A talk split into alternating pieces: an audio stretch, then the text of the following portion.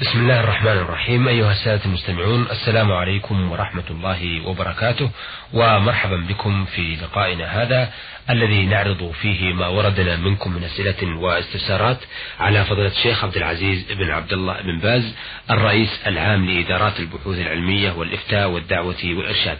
في لقائنا هذا لعلنا نتمكن من عرض رسائل السادة ورداي محمد. محمد من جمهورية مصر العربية ومقيم في الأحساء والأخت سهيلة عبد المجيد والأخ حسين سليمان الخدوري المالكي من خميس مشيط والأخ خضر محمد إبراهيم من العراق من نينوى. مرحبا بفضيلة الشيخ عبد العزيز. حياكم الله. فضيلة الشيخ عبد العزيز هذه رسالة وردتنا من أحد السادة. يقول آه، فيها أرجو عرض رسالتي هذه على الشيخ عبد العزيز بن عبد الله بن باز وهو من المملكة العربية السعودية من الأحساء الهفوف. آه، ورداي محمد محمد وهو من جمهورية مصر العربية لكنه يعمل هنا. يقول أديت الحج في عام 1397 وعندما لبست آه، الإحرام نويت الحج والعمرة معا ولم أذبح ثم صمت عشرة أيام بعد أيام الحج فما حكم عملي هذا؟ بسم الله الرحمن الرحيم. الحمد لله والصلاة والسلام على رسول الله وعلى آله وأصحابه ومن اهتدى بهداه. أما بعد فلا شك أن من أحرم بحج وعمرة يعتبر متمتعا وعليه دم التمتع. فالسائل عليه دم التمتع فإذا كان عاجزا فالصوم الذي فعله مجزئ. أما إذا كنت أيها السائل تستطيع الدم فإن عليك أن تذبح ذبيحة تجزئ في الأضحية يعني شاة من رأس من غنم أو شعب بدنة أو شعب بقرة في مكة المكرمة. لأن هذا هو الواجب في التمتع والقران وعمل يسمى قرانا ويسمى تمتعا. فعليك الهدي. فإذا كنت عاجزا لا تستطيع ذلك الوقت. وصمت العشرة الأيام أجزأت العشرة والحمد لله. نعم. آه سؤاله الثاني يقول في العام الثاني ذهبت إلى الحج ونويت الحج لوالدي. المتوفى حج مفرد ولم أذبح هل علي شيء أم لا؟ أما الذي يحرم بالحج المفرد فليس عليه شيء ليس عليه هدي ولا صيام. نعم. نعم. يقول ما حكم الإسلام في البعد عن الزوجة لمدة سنة أو سنتين؟ لا يجوز للمسلم أن يحجر زوجته من الجماع لأن هذا يضرها وربما ربما أفضى إلى وقوعها فيما لا تحمد عقباه فالواجب عليه أن يجامعها بالمعروف حسب الطاقه والإمكان. وقال بعض أهل العلم إنه يجب عليه ذلك في كل أربعة اشهر مرة. ولكن ليس ذلك بواضح من جهة الدليل بل الواجب عليه أن يعاشرها بالمعروف. كما قال الله سبحانه وعاشروهن بالمعروف. قال جل وعلا ولهن مثل الذي عليهن بالمعروف. ومن المعروف أن يجامعها ويؤانسها ويخاطبها بالتي أحسن وينفق عليها النفقة اللازمة إلى غير ذلك. وليس من المعروف أن يهجرها هذه المدة الطويلة فالواجب عليه أن يستبيحها فإذا سمحت وأباحت فلا حرج. وإلا فالواجب عليه يعتني بها وأن يجامعها بالمعروف حسب الطاقة وحسب الإمكان وحسب آه، ما يراه كافيا ومانعا من وقوع كل منهما فيما لا يرتضى. فإن الجماع يعفه ويعفها جميعا. وإهمالها المدة الطويلة فيه خطر عليه وعليها جميعا. إلا من عذر شرعي. كمرض أو غربة يحتاج إليها في طلب العلم أو في طلب الرزق أو ما أشبه ذلك من الموانع. نعم. السؤال أيضا يقول بالنسبة لزكاة المال إذا توفر معي بعض مصاريفي ومصاريف الأولاد خمسة آلاف ريال لمدة سنة فهل علي زكاة آه علما بأنني مقيم في الأحساء للعمل نعم إذا توفر لديك ما يبلغ النصاب وحال عليه الحول وجب عليك عليه الزكاة والخمسة الآلاف لا شك أنها نصاب بل أنصب فعليك أن تخرج زكاتها إذا إذا حال عليها الحول. وهي رب العشر نعم. آه سؤاله الأخير يقول ما حكم الإسلام في الذهب للرجال؟ علما بأنني أرى بعض الرجال شيوخ وشباب يركبون أسنان ذهب ويلبس أو يلبسون آه، دبل من ذهب. علما أننا أنه حصل لي حادث واضطررت إلى تركيب سن من الذهب آه فما حكم ذلك؟ أما التختم بالذهب أو جعل السلاسل في الأعناق من الذهب هذا لا يجوز. الرسول صلى الله عليه وسلم نهى عن التختم بالذهب للرجال ورأى رجلا في يده خاتم من ذهب فنزعه وطرحه. وقال يعمد أحدكم إلى جرة من النار فيضعها في يده. هذا لا يجوز. وهكذا الدبلة من الذهب لانها كالخاتم. فلا تجوز. وإنما هذا للنساء خاصة. وهكذا السلاسل التي قد يضعها بعض الشباب في أعناقهم من الذهب هذا أيضا منكر. هكذا ساعات الذهب للرجال لا يجوز.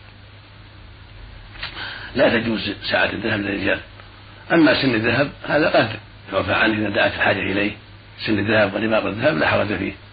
وإذا تيسر أسنان غير الذهب تقوم مقامها تكفي فلا بأس. قد يكون ذلك أحوط ولكن لا حرج في سن الذهب لأنه يفعله للحاجة لا للزينة. وقد ثبت عنه صلى الله عليه وسلم أنه أذن لشخص أصيب أنفه أن يضع أن يتخذ مكانه فضة فأمكنت عليه فاتخذ مكانه ذهبا بأمره عليه الصلاة والسلام. فدل ذلك على جواز مثل هذا من الذهب عند الحاجة سن الذهب رباط الذهب لا حرج آه هذه رسالة وردتنا من المرسلة سهيلة عبد المجيد. تقول آه إنني متزوجة ولي أربعة أطفال وأنني سعيدة مع زوجي كثيرا. ولكن زوجي من النوع الذي يأخذ المشروب في بعض الأيام. ولا أقدر أمنعه عن هذا مع مع ومع هذا أخلاقه جيدة. مع الناس ولكني أنا أخاف الله و... ولا أريد زوجي أن يفعل ما حرم الله. وأنتم يا فضيلة الشيخ أرجو أن ترشدونا إلى الخير وأفيدونا أفادكم الله أه وجزيتم عنا خيرا. الذي يتعاطى الشراب من الأزواج يجب أن ينصح ويخوف من الله عز وجل ويبين له سوء عاقبة ما فعل فإن الخمر من أعظم الكبائر. وقد ثبت عن رسول الله صلى الله عليه وسلم أنه لعن الخمر وشاربها وساقيها وحاملها ومحول إليه وعاصرها ومعتصرها وبائعها ومشتريها وأكل ثمنها هي خبيثة. تسلب العقول وتسبب فسادا كبيرا في المجتمع وفي الأسر. وقد ثبت عنه عليه السلام أيضا أنه قال إن على الله عهدا لمن مات وهو يشرب الخمر أن يستيقظ من طينة الخبال. قيل رسول الله طينة الخبال قال عصاة أهل النار أو قال عرق أهل النار. فأنت أيها الأخت في الله انصحيه وتخلي معه كثيرا في هذا الأمر. وكذلك لو اتصلت بمن له أهمية عنده وتقدير ينصحه كأبيه وعمه ونحو ذلك. إذا كانوا يعلمون حاله ينصحونه كثيرا لعل الله يهديه. أما النكاح فلا فلا يبطل بذلك. النكاح صحيح وأنت زوجته وإن كان عاصيا لكن لك الفسخ. إذا أصر على هذا المنكر فلك الفسخ. لك الاتصال بالمحكمة والمحكمة تفسخ النكاح لأن يعني هذا عيب وخطره كبير على الزوجة وعلى الأسرة. فللزوجة إذا أصر زوجها على شرب مسكر لها أن تطالب بالفسخ فسخ النكاح. والمحكمة تفسخ لها تفسخها تفسخ نكاحها إذا ثبت لديها ذلك.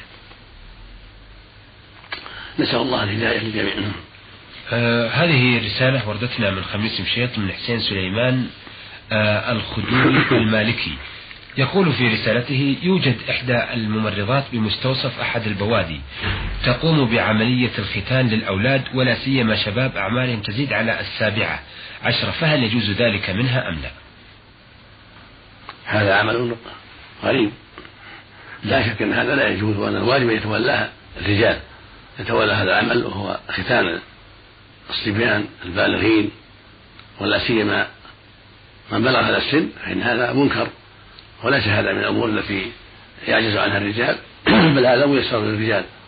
فإذا بلغ الطفل سبع سنين باشره الرجال وليس لها أن تباشر الصبيان إلا ما دون السبع سنين. أما ما فوق السبع سنين فينبغي أن يوكل إلى الرجال ولا يجوز أن يوكل إلى النساء إلا في حالة الضرورة بأن لا يوجد من يتولى الختام من الرجال هذا بعيد بل هذا متيسر. المقصود أنه متيسر للرجال فلا ينبغي أن تولى أن تولى المرأة هذا الشيء بل لا يجوز. نعم. آه، سؤاله الثاني يقول باستطاعة الإنسان أن يمنع نفسه من جميع ما يشاء ما آه، يشين ويستقبح. فعله إلا النظر إلى النساء وخاصة المتبرجات في الأسواق. وإن كانت هذه الظاهرة في بلدنا قليلة جدا فماذا تنصحون بفعله لتجنب ذلك؟ الواجب بكل حال تجنب. النظر إلى المتبرجات وغض البصر لأن الله أمر بذلك كما قال سبحانه قل للمؤمنين يغضوا من أبصارهم ويحفظوا فروجهم فالمؤمن يغض بصره ويتقي ربه ويسأل الله العافية ومع هذا ينكر عليهن يقوم بواجب الإنكار ينكر عليهن وينصحهن ويبين لهن أن هذا حرام ومنكر فلعل الله يهدي يهديهن به مع غض البصر فيجمع بين الأمرين يغض بصره وينكر المنكر. وإذا لم ينفع ذلك يرفع الأمر إلى الهيئة الحزبة حتى تقوم بالواجب في بلده. نعم. آه، سؤاله الثالث يقول لي ثلاث خالات أجلس من زيارتهن أحيانا فوق العامين والسبب أنهن يسكن في قمة جبل لا تصله السيارات ويشق علي المشي حتى آه، حتى عندهن وأحيانا يمنعني عملي الوظيفي وأترقب زيارتهن لأخوالي فلا فألاقيهن هناك فماذا علي في قطيعتي لهن؟ علما أنني أحبهن ولا لهن في قلبي إلا كل حب وتقدير. ليس هذا بقطيعة وأنت معذور. ما دامت الخلاء في هذا المحل الرفيع وأنت يشق عليك ذلك أو مشغول بوظيفتك فلا حرج. وثم اللقاء عند عند الأخوات يكفي والحمد لله. وإذا وإذا كنا فقيرات فينبغي أن تصلهن بالمال لأن هذا من الصلة العظيمة. وإذا كنا في حاجة إليك وجب عليك ذلك. وإذا كنت قادرا على وصلهن بالمال. أما الزيارة فأنت معذور إذا كان الحال كما ذكرت. نعم. سؤاله الرابع يقول فيه إذا قال إذا قال الموظف لرؤسائه عندي ظروف كذا وكذا وأريد السماح لي عن العمل لمدة يوم أو يومين وهو غير صادق إنما عنده ظروف أخرى بسيطة أو يريد الراحة من العمل ولو أعلمهم بالحقيقة لم يأذنوا له فماذا عليه في ذلك؟ الواجب عليه الصدق وأن لا يعترض بالحقيقة فإن سمحوا له فالحمد لله وإلا باشر عمله. أما الكذب فلا يجوز. بل هذا منكر وتملص من الواجب فلا يجوز له ذلك. لأمرين أحدهما أنه كذب والأمر الثاني أنه ترك للواجب بدون عذر. فلا يجوز له ذلك. نعم. آه هذه رسالة وردتنا من المستمع. يقول من الجمهورية العراقية محافظة نينوى الأخ خضر محمد إبراهيم. يقول ما حكم من يقبل نهوض زوجته. محمد إبراهيم خضر نعم. محمد إبراهيم. آه الأخ خضر محمد إبراهيم. نعم. آه يقول ما حكم من يقبل نهوض زوجته أي الثدي ويقوم بعض رؤوس الثدي أثناء بداية آه، الزواج وكذا إلى آخره. هل في ذلك شيء أم لا؟ لا نعلم في هذا شيء. لا نعلم في نعم. تحويل الثدي أو عضها أو ما في شيء. أو مص مص هكذا من باب المداعبة. أما شرب اللبن اللي الحليب فيه تركه أولى تركه أولى ترك شرب اللبن أولى نعم. نعم. وأما مجرد التقبيل أو نص الماء بدون شيء أو عض عض اللعب ما في شيء يؤذي. ما في شيء لا نعلم في شيء. نعم. يقولون أن للزواج صلاة ويسمونها سنة أو سنة الزواج وهي قبل الدخول أي قبل المجامعة ويقولون تصلى ركعتين أو تصلي ركعتين ومن بعدها الدخول أفيدونا مشكورين.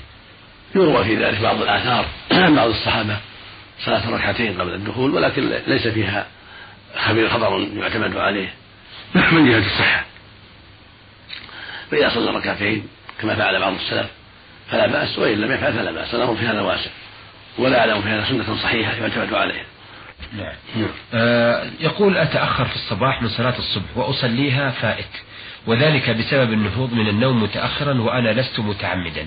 ولا أحس بنفسي إلا والوقت فائت آه ما حكم ذلك؟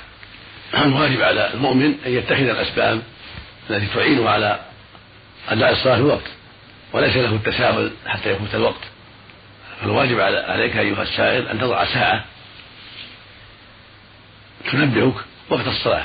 إذا ما كان عندك إذا كان لم يكن عندك منبه من زوجة جيدة أو غيرها تضع ساعة حتى تستعين بها على الوقت. أما التساهل في هذا فلا يجوز وأنت آثم في هذا التساهل. نعم.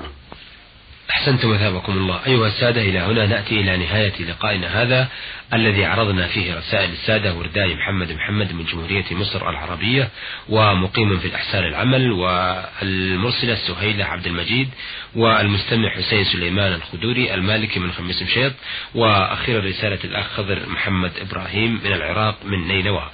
وقد عرضنا ما وردنا في رسائلهم من أسئلة واستفسارات على فضلة الشيخ عبد العزيز ابن عبد الله بن باز الرئيس العام لإدارات البحوث العلمية والإفتاء والدعوة والإرشاد. شكرا لفضيلة الشيخ وشكرا لكم أيها الأخوة وإلى أن نلتقي بحضراتكم نستودعكم الله والسلام عليكم ورحمة الله وبركاته.